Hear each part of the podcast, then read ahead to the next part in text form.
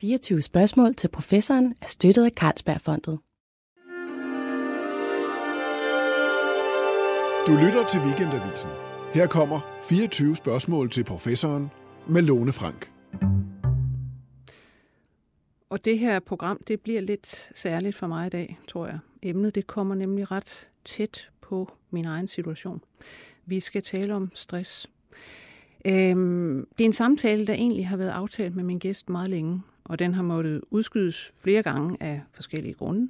Men i et meget besynderligt sammenfald, så bliver det lige nu i dag, hvor jeg øh, selv har været til lægen med stresssymptomer. Sådan helt klassisk. Man vågner om natten, hjertet hamrer, så man er ved at blive sindssyg. Man kan ligesom mærke sit blodtryk stige. Øh, man kan ikke få vejret, øh, man har kvalme, man har øh, opkastningsfornemmelser, tankemylder. Man tror, man er, er ved at gå helt fra forstanden. Øhm, og jeg vil sige, til morgen her, hvor jeg skulle sidde og forberede programmet, der sad jeg egentlig bare og stirrede ind i skærmen og kunne ikke helt samle tankerne. Så vi kommer nok til at tale lidt for hoften. Og det håber jeg, det er okay med dig, Karen Johanne Pallesen. Ja. Velkommen til dig. Tak. Øh, du er ekstern lektor ved Aarhus Universitet, hvor du underviser i stress og resiliens og begge dele kommer vi ind på. Og du har i mange år forsket i mekanismerne i stress, altså de biologiske, fysiologiske mekanismer. Hvad pokker er det, der sker i vores krop og nervesystem? Og jeg vil sige, når man sidder midt i det, så er det også ret interessant øh, at vide noget om, hvad, hvad fanden er det, der sker, og, og hvorfor får man de og de symptomer. Men altså, før vi ser på, hvad stress er, jeg lagde mærke til, at du på en blog her for nylig har skrevet, at vi går jo egentlig og lider af et fælles belastningssyndrom, sådan globalt set. Hvad mener du med det? Ja, med det der mener jeg, at øh, man taler jo om, at vi har udviklet et samfund, som er fuld af informationer, og at vi skal forholde os til rigtig mange ting, og at det er netop noget af det, der gør os stresset, og vi taler om ja, stress som en folkesygdom, en stressepidemi. Ja. Hmm. Øh, fordi der er rigtig mange mennesker, der der vurderer, eller der fortæller, at de har, at de har stresssymptomer, ligesom du sidder og fortæller. Ja. Men det er jo netop det, det er jo noget underligt noget, det her med, at man siger folkesygdom, ikke? Øh, og epidemi og så videre. Altså stress er jo ikke en sygdom decideret. Altså vi taler om, vi har nogle oplevelser, vi har nogle fornemmelser, vi har nogle symptomer på et eller andet. Men altså, øh, der er jo ikke en diagnose, der hedder stress. Nej, altså stress er jo udgangspunktet øh, sindets og kroppens reaktion på forandringer og trusler. Mm. Og det er en respons, som øh, involverer en lang række processer i hjernen og i kroppen, som er udviklet gennem 100.000 vis af år igennem evolutionen. Ja, for man øhm. kan jo egentlig sige, altså øh, det vi taler om, altså en, en, en stress, eller en, ja, vores stressreaktion, det er noget, der øh, er indrettet til, når der kommer en belastning, et eller andet, så skal nervesystemet simpelthen op i gear. Altså det det, vi kalder øh, akut stress. Mm. Hvad, er, hvad er det, der sker der? Altså, ja, stress er i udgangspunktet det, man kalder en adaptiv reaktion, altså noget, som tjener os til vores bedste. Mm. Øhm, fordi det skaffer ressourcer til, til kroppen, så vi kan løbe hurtigere, og til hjernen, så vi kan tænke hurtigere. Øh, vi bliver skarpere, vi bliver mere opmærksomme. Øhm, og det er alt sammen godt, når vi skal bruge det, altså når vi står over for en rigtig trussel. Men ofte så står vi jo ikke over for en trussel på livet i hvert fald. Og alligevel så reagerer vores krop med alle de her symptomer. Og det er jo fordi, at hjernen den reagerer på det, vi kan kalde laveste fællesnævner. Altså når der er, når vi føler, at vi ikke har helt 100% kontrol over det hele, når vi føler, at der er for meget uforudsigelighed omkring os, så, øh, så gør hjernen det, at den lige starter det her respons for en sikkerheds skyld. Ikke? Hmm. Og hvad er det egentlig, vi taler om? Altså, er det adrenalin, der ligesom begynder at pumpe ud? Ja, det er jo både adrenalin og noradrenalin, adrenalin, og så er det også kortisol, og det er via to signalveje, der går fra hjernen, altså hypotalamus, og ned i kroppen, dels via nervesystemet, øh, og dels via blodbanen, og som øh, altså får en led af, at der bliver udskilt øh, adrenalin og noradrenalin og kortisol. Og de tre øh, hormoner eller signalstoffer til sammen, de forårsager alle de her alle de her mange symptomer. Ja, det her opgearing i virkeligheden. Nu skal jeg ja. finde med klare et eller andet. Ikke? Ja, altså. kroppen skal op i gear, og hovedet skal op i gear, og, og det mærker du i udgangspunktet som, at du sveder i hænderne, og hjertet pumper, og mm. måske bliver du opstemt, og øhm, Ja, og det, og det er helt normalt, og vi kender det alle sammen, hvis man for eksempel, altså skal man holde en tale til en fødselsdag, skal man et eller andet nu og her til eksamen, altså så har man den der opgivethed, og det, ja, det kan føles meget ubehageligt, men, men så kommer man i gang, så gør man det, så går det ligesom væk igen. Ja. Det man så begynder at tale om, når vi snakker om stressreaktion, belastningsreaktion, derhen, hvor vi netop altså, må til lægen, og HR skal involveres, og måske skal vi på overlov, eller vi skal et eller andet sygemeldes, hvad ved jeg. Det er så, når vi taler om, om længerevarende stress. Ja, det er det. Det er, når alle de her helt naturlige reaktioner i virkeligheden, som hjælper kroppen, de bliver mere langvarige. Altså, at det kommer over fra at være godt nok ubehageligt, men mm. ikke, overhovedet ikke farligt jo, Nej.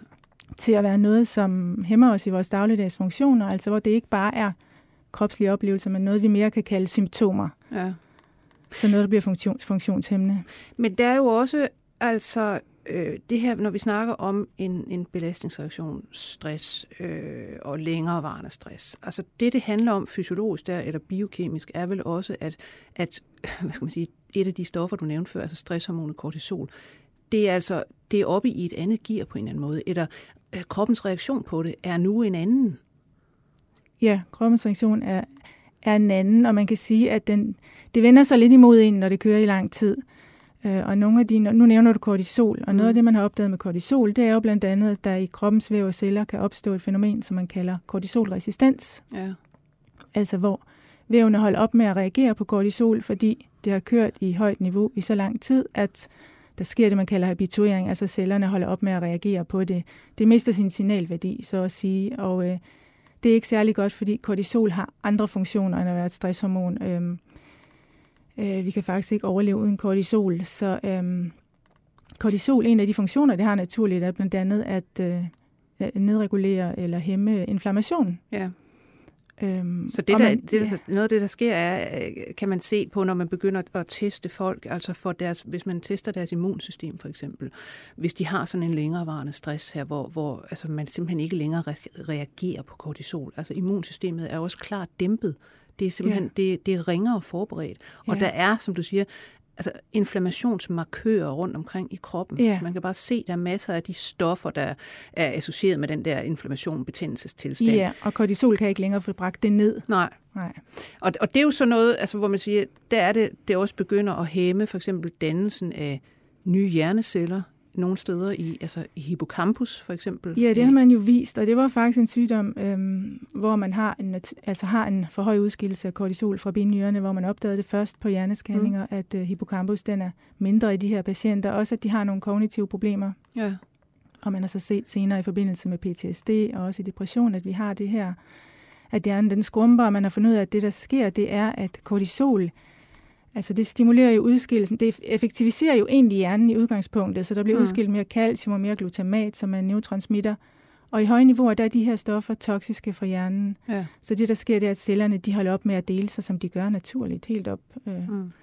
Ja, så man er så gammel, man, højt op i alderen normalt, ikke? Hvis, ja. man, hvis man passer lidt på. Så man laver egentlig sådan en form for, øh, man kan kalde det en forgiftning ja. af hjernen på nogle måder, ja. ved at have det her altså alt for langvarig øh, stressrespons. Ja.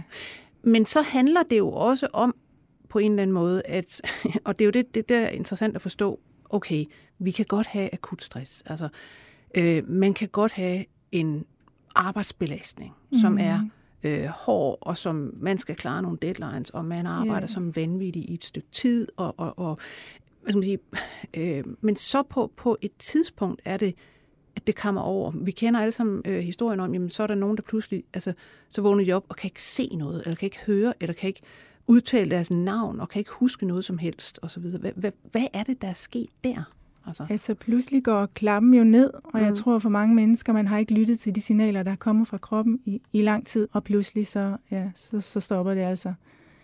Så, øh, så går man i sort. Altså man siger også, at øh, ja, stressen ligesom kan kabre hjernen, så de højere centre i hjernen øh, ikke rigtig har noget at sige mere. De analytiske processer kan ikke rigtig køre mere, som vi snakkede om lige før. Altså mm. når, når celledelingen også går i stå i hippocampus, som er vigtigt for vores hukommelse og vores øh, rekonsolidering. Ja. Så. Men jeg har for eksempel svært ved at, at forstå, altså nu, øh, det jeg selv sidder med, er, er sådan, ligesom, det kommer ud af det blå. Altså sådan en, en, øh, du ved, en nat. Jeg synes ellers ikke, jeg har alt for meget at lave, men jeg har altså for nogle måneder siden havde jeg decideret sådan en stresssygemelding. Ikke? Jeg kommer tilbage og i lavt gear og slæber mig afsted, og det går fremad, og så videre, så videre. Jeg holder noget ferie og kommer tilbage øh, her til det nye år og tænker, nå, jamen det, nu har jeg det fint, nu øh, kører vi sådan set videre. Mm. Og så som sagt, ud af det blå, lige pludselig, gong, altså jeg, der er ikke nogen anledning, synes jeg selv, til, at hvorfor skulle jeg ligesom få de her symptomer igen. Altså handler det om, at ens nervesystem i sige, i længere tid efter sådan et nedbrud faktisk er altså hyperfølsomt? Eller hvordan skal man tolke ja, det Ja, det siger man jo, at ens tærskel er nedsat bagefter, ikke? Mm. Og måske er der nogle cues i omgivelserne, som man ikke er bevidst om. Fordi det er jo også øh, det autonome system, vi taler om her. Og tit, når man reagerer med stress, så kan det jo være, det jeg tror de fleste har oplevet, at man faktisk ikke rigtig ved, hvad det er, der har udløst det. Nej. I mange andre situationer også, ikke? Jo.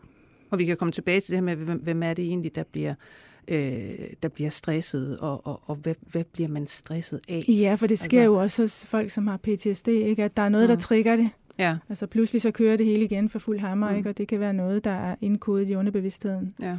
Men, men helt lavpraktisk, Altså nu, nu, nu nævner du, at det er jo det autonome system, som du siger, altså det handler meget om det autonome nervesystem, som jo ikke er det, vi er, hvad skal man sige, vi sidder og bevæger os med og, og foretager os ting og sager med, men det er ligesom det nervesystem, der, der bare kører derinde for sig selv, og netop altså sørger for at udløse forskellige stoffer og få noget til at slappe af, ja, og noget ja. til at køre op. Men det her med, når man så har en stressreaktion, og vi har alle de her symptomer, vi har alle de her øh, hvad skal man sige, opgieringer af nervesystemet.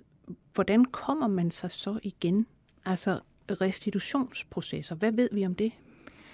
Altså det, det handler om, det er jo at få øhm, den sympatiske del af, af det autonome nervesystem, som kører det her kampflugt, eller hvad skal vi kalde, aktiveringsrespons, som vi, mobiliseringsrespons, som vi talte om lige før, mm. og få hjernen til at holde op med at holde gang i det her hele tiden.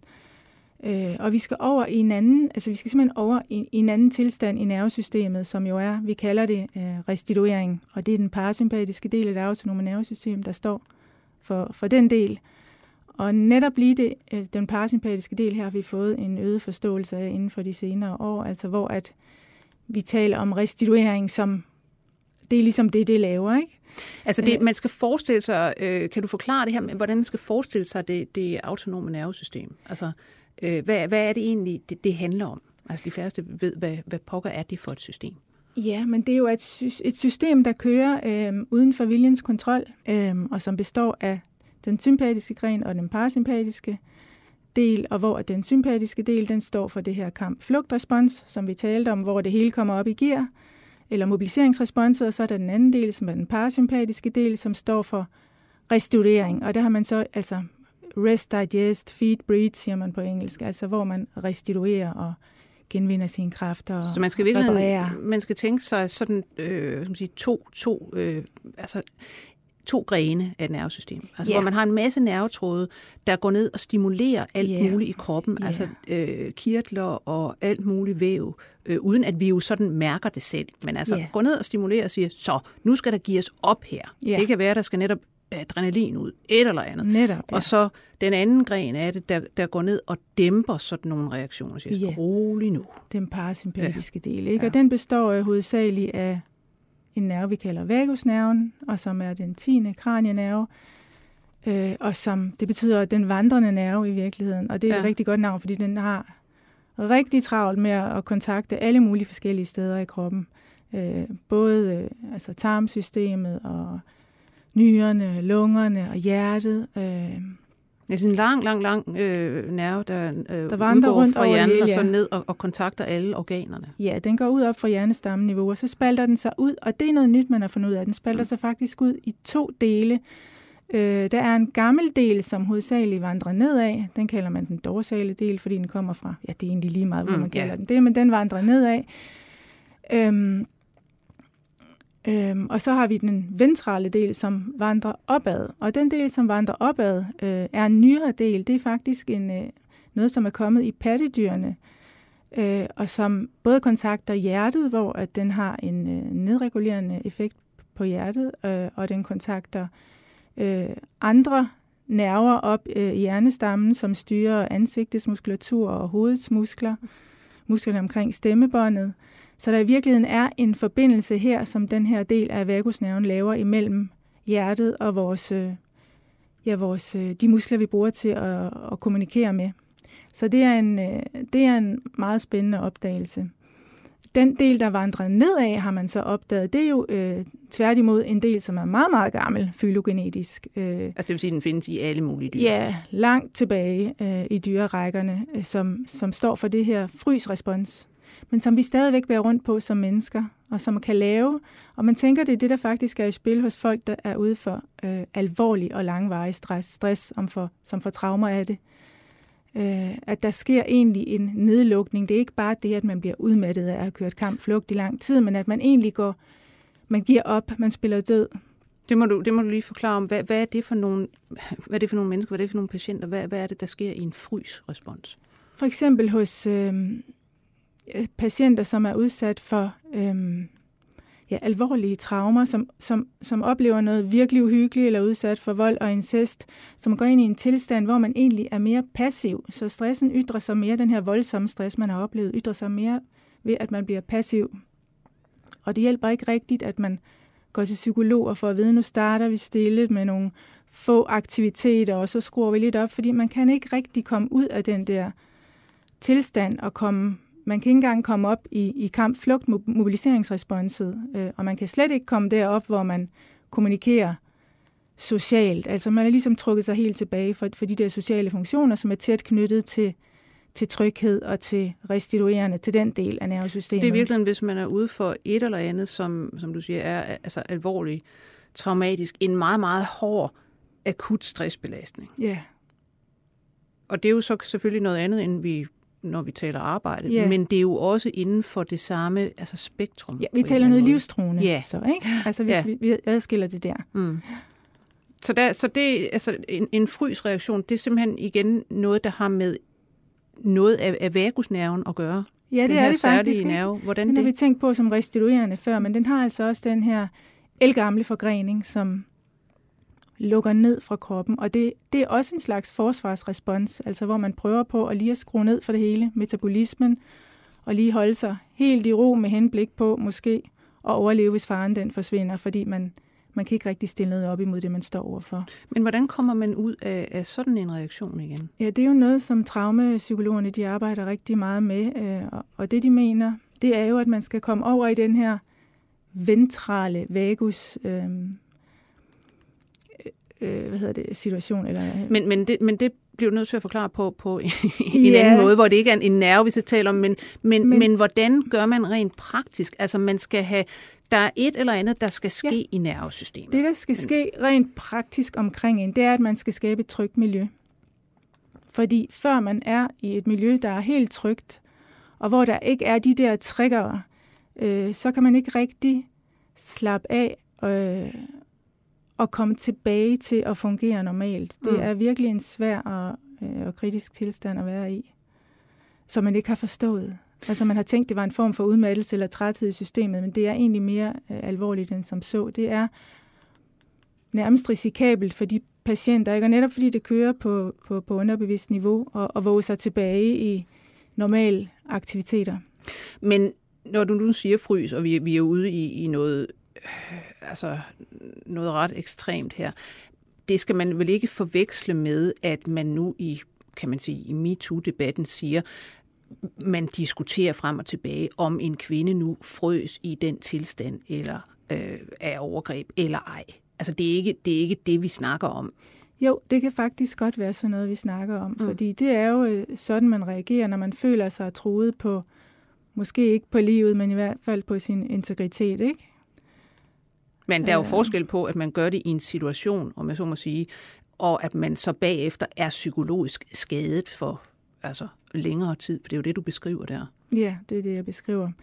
Øh, og der kan man jo så afhængig af, hvor voldsomt det er ikke komme tilbage øh, stille og roligt, øh, finde frem til noget tryghed i sig selv. Ikke? Og Men det er så en, en form for ekstrem stresstilstand her, som, som du siger, vi faktisk ikke forstår særlig godt. Ja, og det, det man gør for at behandle, det er jo, at man øver sig i at aktivere den her ventrale trykkedel af, af det autonome nervesystem, altså af vagusnerven. Hvordan i alverden øver man sig i det? Det kan man øve sig i. Øhm, Jamen ved at skabe alle mulige trygge ting, ved at skabe øh, trygge sociale forbindelser omkring en. Altså det sociale netværk er utrolig vigtigt. Og man kan også lave målrettede øvelser selvfølgelig. Man kan lave åndedrætsøvelser. Åndedrættet, det er jo ligesom vores adgang til, til det autonome nervesystem, netop fordi, som vi hørte, vagusnerven, den, den styrer øh, hjertet og vejrtrækningen.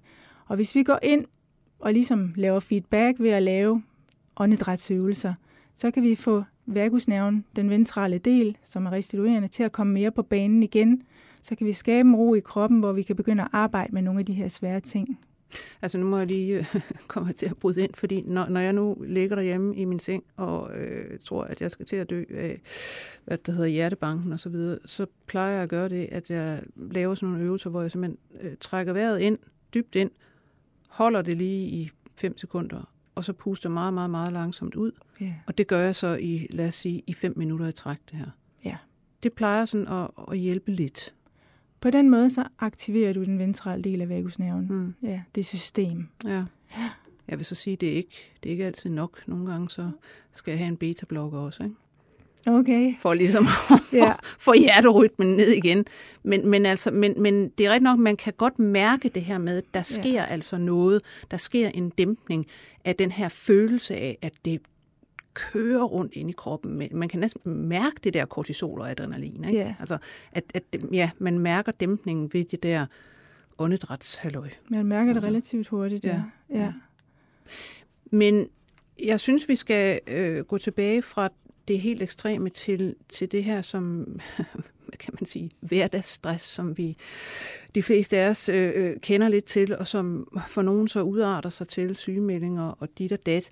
Men hele den måde, vi omgås stress og øh, ser på stress individuelt, altså vores subjektive fornemmelse af, hvad det er og hvor alvorligt det er og sådan noget, det har jo også, viser det sig i forskningen, en, en stor indflydelse på, hvad det er, der faktisk sker i kroppen.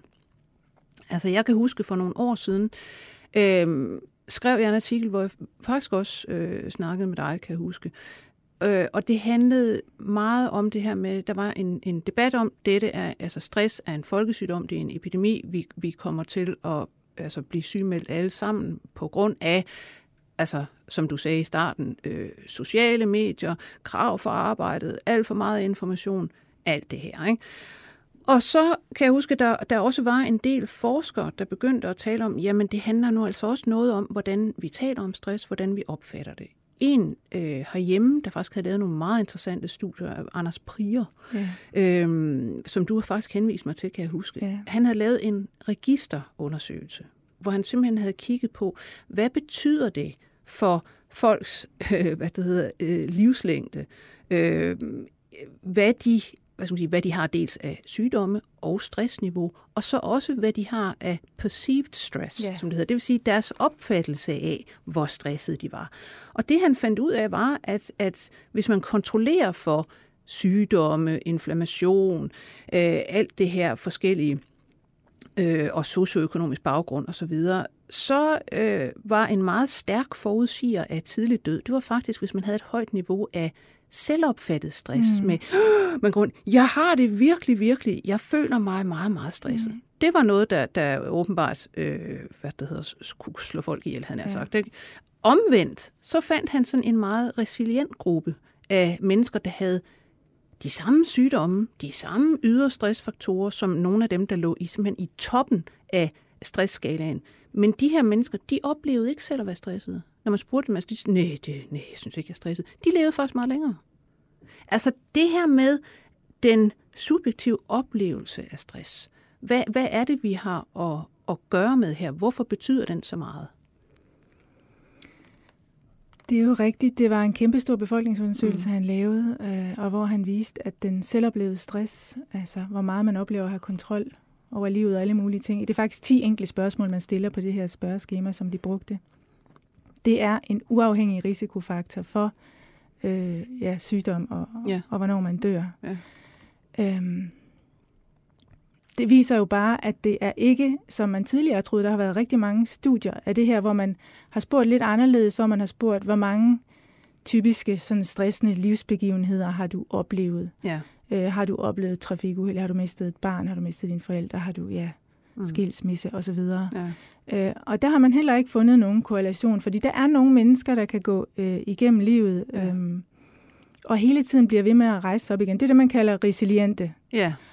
Øh, og hvis man skal forklare det i, i lyset af de her, øh, den her lidt nyere viden omkring øh, det parasympatiske nervesystem, så er det mennesker, som er bedre til at selvregulere. Ja. De er bedre til at komme over i den der restituerende tilstand, hvor man er tryg og åben, og hvor man også har bedre adgang til flere områder af hjernen, og man har en mere, øh, man har større variation i sin, i sin adfærdsresponser. Hmm. Øh, man kan tilpasse sig. Ja. ja. Så deres, den du, slags mennesker. Ja, altså det er i virkeligheden den her øh, nervesystemgren, som ligesom dæmper tingene yeah. ned og lægger en sådan en, en hvad det hedder, ja, en behagelig kappe rundt om ting. Altså yeah. den er mere effektiv af yeah. en eller anden grund. Og som samtidig også er tæt koblet til vores sociale adfærd. Hvordan det? Og det er jo dybt interessant, mm. fordi den er koblet til de her øh, nerver, som styrer ansigtets muskler, øh, som styrer, altså vores ansigtsudtryk, øh, vores måde at tale på, vores prosodi, øh, prosodi, hvad er det? Vores øh, talemelodi, ja. hvordan vi taler. Ikke? Ja. Det afslører jo også, at vi er stressede, eller ej, er vi aggressive, mm. eller kommer vi med fredelige hensigter. Og vi kommunikerer jo hele tiden en masse ting til hinanden med vores øh, ansigtsmimik mm. og vores stemmeføring.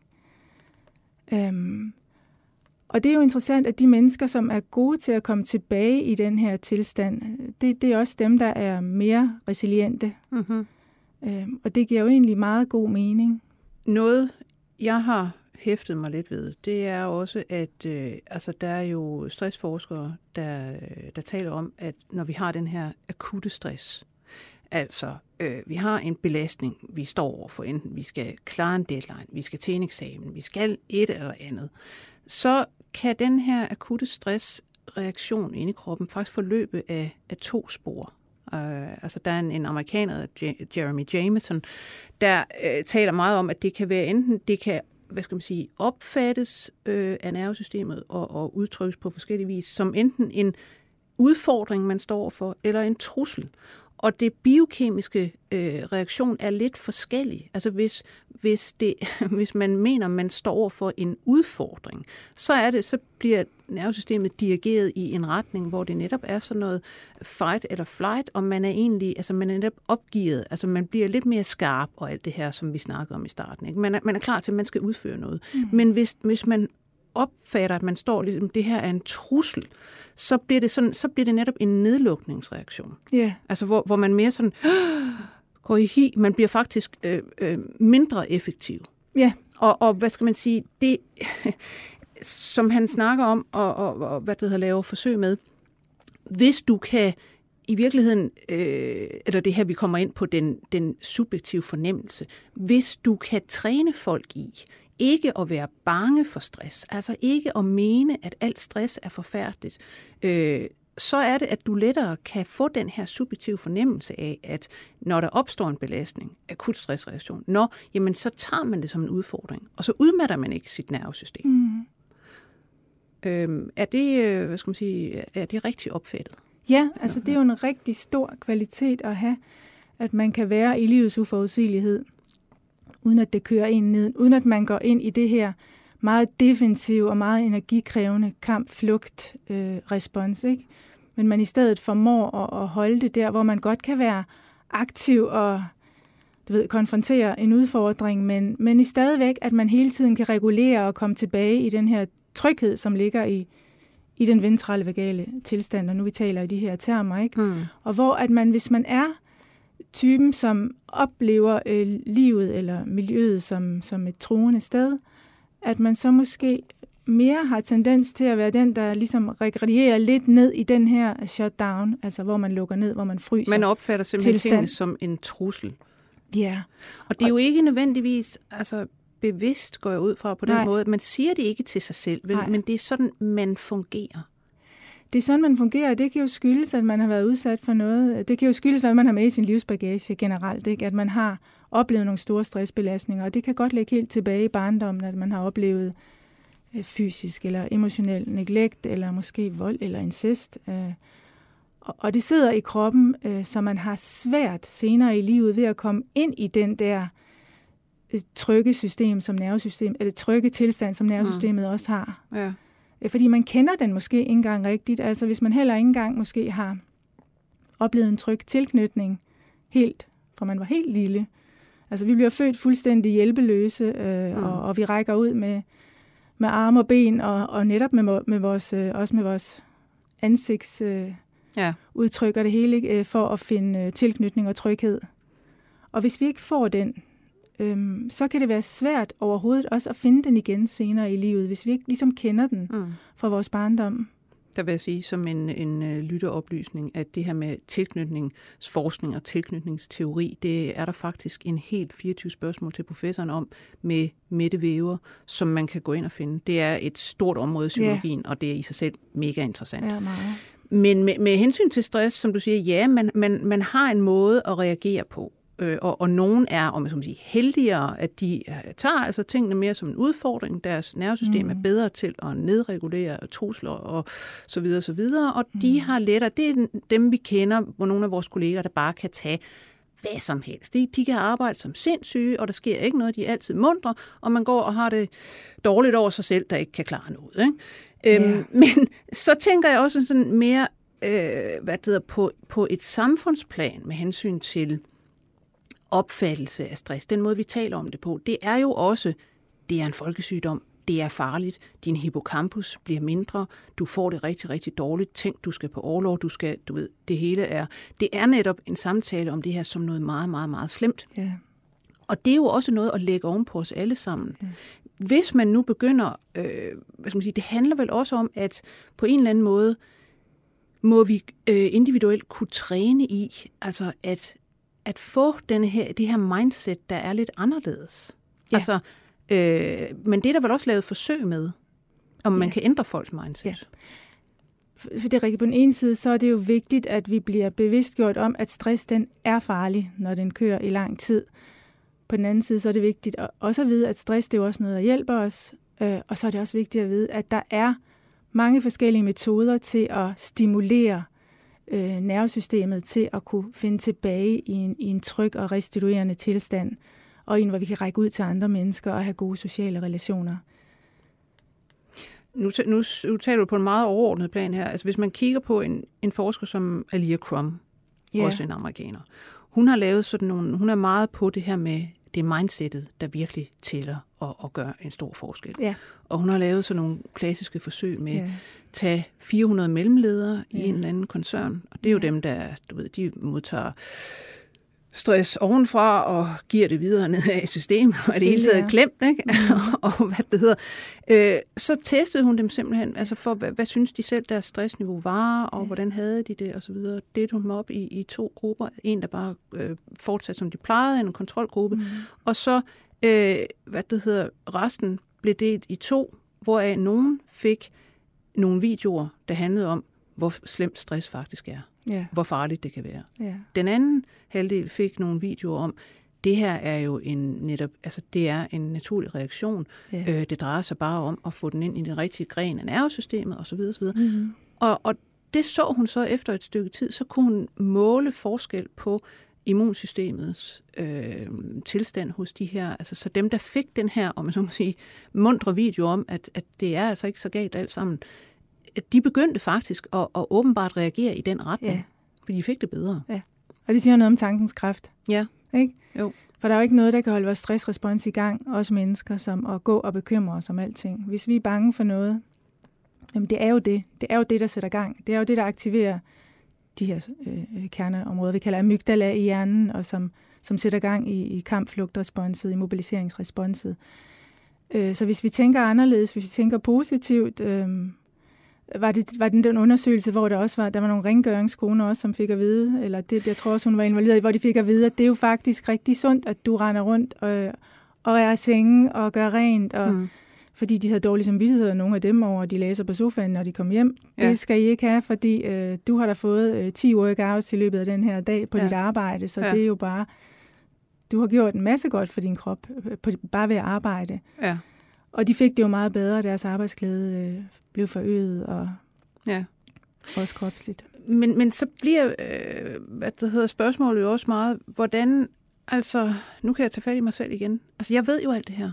Jeg har læst alt det her. Ja. Jeg har skrevet om alt det her. Ja. Hvorfor får jeg det så stadigvæk dårligt? Hvorfor kan jeg ikke bare sige til mig selv, tag dig sammen, se på dit schema, så, så slemt er det jo ikke. Altså. Altså, vi skal jo i hvert fald træne. Det kan kræve træning at, øh, at få nervesystemet til at rykke over i den her tilstand, hvor vi faktisk har gang i de restaurerende processer, og hvor vi har øh, mulighed og adgang til de adfærdsmønstre, altså til, til, til de øh, nervesystemer, som kontrollerer vores øh, sociale adfærd og komplekse adfærd. Det har vi bedre, når vi er i ro, altså når kroppen og sindet er i ro. Og hvis man ikke sørger for at give sig selv de pauser, hvor man kan være der nok tid, mm. så bliver det bare øh, en vane, at man mere opholder sig hele tiden over i den her kampflugt mobiliseringsrespons, som er ja. så usund, når den bare kører ja. i lang tid. Ikke? Plus at den jo også har de her langtidsskadeeffekter. Også det, at det bliver svært at regulere sin stress, det gør det også med tiden. Altså når kortisol det kører i lang tid, for det er også involveret i at nedregulere stressen. Det er det, vi inden for biologien kalder et negativt feedback loop, altså kortisol kommer ud i blodet, så binder det sig op i hjernen, og så bliver der helt automatisk skruet ned for det igen. Ja.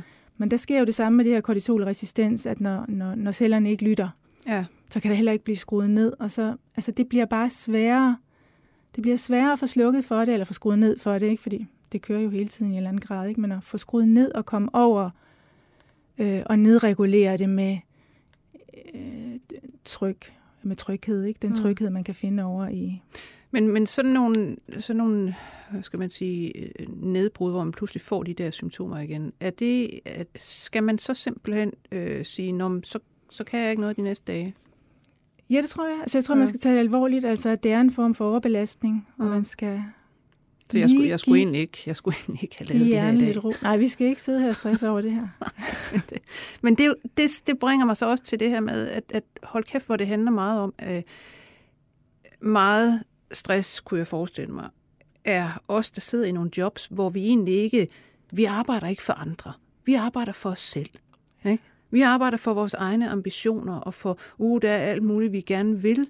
Øh, og, og det er os selv, der pisker os og ikke kan finde ud af. Det er jo ikke min arbejdsgiver. Han, min chef siger, jamen så, slap dog af, altså nu må du, mm. altså, så må vi gøre noget med nedsætte Plus, tid. at det er netop øh, en, hvad kan man sige, en uforudsigelig jobtype. Altså, du har ikke noget. Jo. Du ved ikke lige, hvad, hvad du skal lave næste uge, måske og ugen efter. Eller Nej. Nej, det skal jo opfinde hver uge, ja. kan man sige. Ja, hjernen kan jo godt lide, nervesystemet kan godt lide, at det hele er forudsigeligt. Mm. Ikke? Som vi snakker om før. Det er jo ligesom laveste fællesnævner. Ja. Der kører hele tiden lidt stress, når man ikke har overblikket og kontrollen. Men kan man sige noget om, ved vi, øh, hvilke jobtyper det typisk er? Altså jeg kan huske, at jeg talte med øh, Bo Netterstrøm, en dansk stressforsker, øh, som talte om, at han havde kigget på blandt andet altså en gruppe, øh, altså og nu taler vi langt væk fra, øh, hvad der hedder, øh, den kreative klasse, øh, hvad der hedder, indre pisk osv. Øh, altså folk, der er i øh, omsorgserhverv. Altså simpelthen øh, hjemmehjælp og sosuer og alle de der, som kan få enorm stress over egentlig gerne at ville levere noget, som de ikke kan komme til, ja. fordi de skal alt muligt andet, end at tage sig af dem, de faktisk er ansat til at tage ja. sig med. At det ja. er noget af det, der er virkelig slemt de har måske valgt det job, fordi de netop er gode til at være i, i sociale relationer, ikke? Mm. Øh, og det er der ikke rigtig tid til. Øh, der er kun, det er kun alt det andet, ikke, som bare er opgaver, der skal klares på tid. Men er der andre øh, jobtyper, hvor vi ved, her, her er man virkelig udsat? Alle jobtyper, hvor der er øh, uforudsigelighed, og hvor tingene ændrer sig meget. Øh, og det er jo også noget, det man taler om i det moderne samfund, den her omstillingsparathed, at det gør mm. det generelt i samfundet, fordi ja. der hele tiden sker den her øh, teknologisering, ikke? Så man kan måske sige, at vi er blevet, når du siger der i starten, at vi er inde i sådan en form for øh, fælles belastningssyndrom, så er det, at, at livet og dermed også arbejdslivet og, og så videre i det hele taget bliver mere uforudsigeligt. Ja, det tænker jeg. At det er simpelthen rart for os, øh, altså, hvad skal man sige, sådan god gammeldags øh, ro, renlighed og og så videre, han har sagt. Altså, at man ved nøjagtigt, det her skal jeg lave. Og ja, hvis det ikke kunne være lidt mere, og, lidt mere enkelt, eller hvad er det, han siger, bunderøven, og så kaster han sig ud i 117 forskellige projekter. Ja, ja. altså hvis det kunne være lidt, lidt mere forudsigeligt. Men, det, men det, det er jo ikke det, vi lever under. Altså, det, det kan det dårligt være, ikke? Øhm, og så er spørgsmålet jo på en eller anden måde, hvis vi nu, altså vi har den verden, vi har, vi lever med de her forskellige teknologier, vi lever med, at man gerne skal være forandringsparat osv. osv. Hvad kan man gøre som, som person for at gøre sig mere resilient i forhold til de her ting? Ja. Hvis man gerne vil overleve. Ja, fordi det, det spurgte min søn mig også om i går, ikke? da han hørte, at jeg skulle herind. Kan man ikke, Ja. altså vender vi os ikke til det, hvis evolutionen har bragt os et sted hen, kan den også bringe os et andet sted hen, ikke? Men det tager jo tid. Det tager Ja. tid for hjernen at skulle vende sig til, at sådan er tingene ikke mere vel. Så, så man, må, ja, man må bruge nogle teknikker til at, at prøve at lære at være i al den her forudsigelighed, og der kan man jo bruge øh, ja, meditation. Ikke? Der er alle mulige. Vi, vi gør jo alle sammen hele tiden en masse tager på, øh, er sammen med vores venner og dyrker hobbyer og går ture og tager ud i naturen, og det er jo alt sammen øh, dejligt, lytter til musik. Hmm. Men når det ikke er nok, ja, så må man bruge nogle af de her teknikker, som der jo eksisterer derude, ikke, som er udviklet for netop for at, at, at, at, at træne sindet, som meditation og yoga. Og, Altså som simpelthen, det er jo i virkeligheden, det, det virker jo meget til, så vidt jeg ved, altså neurobiologisk, at gøre den der automatiske dæmpning af negative impulser fra amygdala, den bliver simpelthen mere effektiv af at meditere. ja, når man Så- bringer øh, kroppen i ro og blandt andet laver de her åndedrætsøvelser Mm. jo også, ikke, så ved man, at det laver feedback op i systemet, der bliver skruet ned for amygdala. Mm. Plus, at man jo øh, i meditation i hvert fald ikke arbejder med sin selvbevidsthed. Man bliver bevidst omkring, hvad, hvad er det for nogle signaler i kroppen, jeg skal lytte til. Man bliver mere bevidst om, hvad er det for nogle bekymringer, der hele tiden kører rundt op i knolden på mig. Mm. Og når man bliver det, kan man også lettere gøre noget ved det. Ja. Måske prøve at navigere udenom det. Bruge øh, ja, opmærksomheden, som er jo det centrale værktøj i, i mange af de her metoder, ikke til at prøve at navigere udenom nogle af de her fælder, vi ligger for os selv ved at sidde øh, i sofaen og bekymre os om ting, som vi alligevel ikke kan gøre noget ved. Men hvordan gør man egentlig altså, det her med at sige, jamen jeg, jeg, ja, jeg skulle ikke bekymre mig så meget? Altså, øh, hvordan lader man være med at bekymre sig, hvis man synes noget i ens liv er, er bekymrende? Hvad, hvad fanden gør man?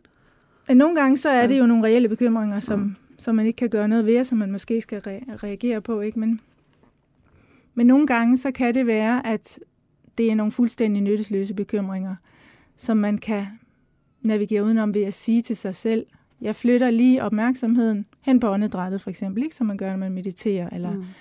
jeg flytter lige opmærksomheden øh, ned i kroppen, laver en body scanning, hvor man flytter opmærksomheden rundt i kroppen, og, og dermed får, får den væk fra de her tanker. Og så kan man stille og roligt lære øh, ja, at blive bedre til det. Mm. Øh, og også man opdager, hvad er det for nogle tanker, som jeg nævnte før. Og så opdager man dem lettere, når de kommer igen. Ups, det gider jeg ikke ud i det der. Nej. Og det er jo en af, årsagerne til, at de her meditationsteknikker har vist sig at være gode til for eksempel at, øh, i behandlingen af tilbagevendende depressioner faktisk. Ikke? At man, man opdager, når man kører ind i den der, der tankerne begynder at blive mere grå og mere triste, og Mm. at man så kan aktivt flytte sin opmærksomhed væk. Jeg skal ikke derind. Og prøve at fokusere på noget andet. Altså- Forkæle sig selv. Ja. Ja, snak noget mere med sine venner. Dyrk de sociale, de sociale netværk. Ikke? Det er jo noget af det, der, kan, der er allerbedst til at gøre os trygge i livet, ikke? og til, til at modvirke stress. Noget af det, der er vigtigst for vores trivsel. Og som jo også bliver nævnt i WHO's øh, definition af, af mental sundhed. Ikke? Mm-hmm. Man skal håndtere stress, og man skal øh, indgå i, i relationer. Ja. Ved du hvad? Jeg vil øh, gå over til min kæreste og sige, at han skal lave mad til mig. Ja. Yeah.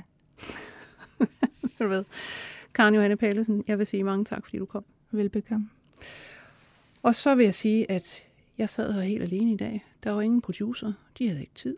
De var ude og arbejde med noget andet. Så øh, fra mig, Lone Frank, øh, på genhør. 24 spørgsmål til professoren er støttet af Carlsbergfondet.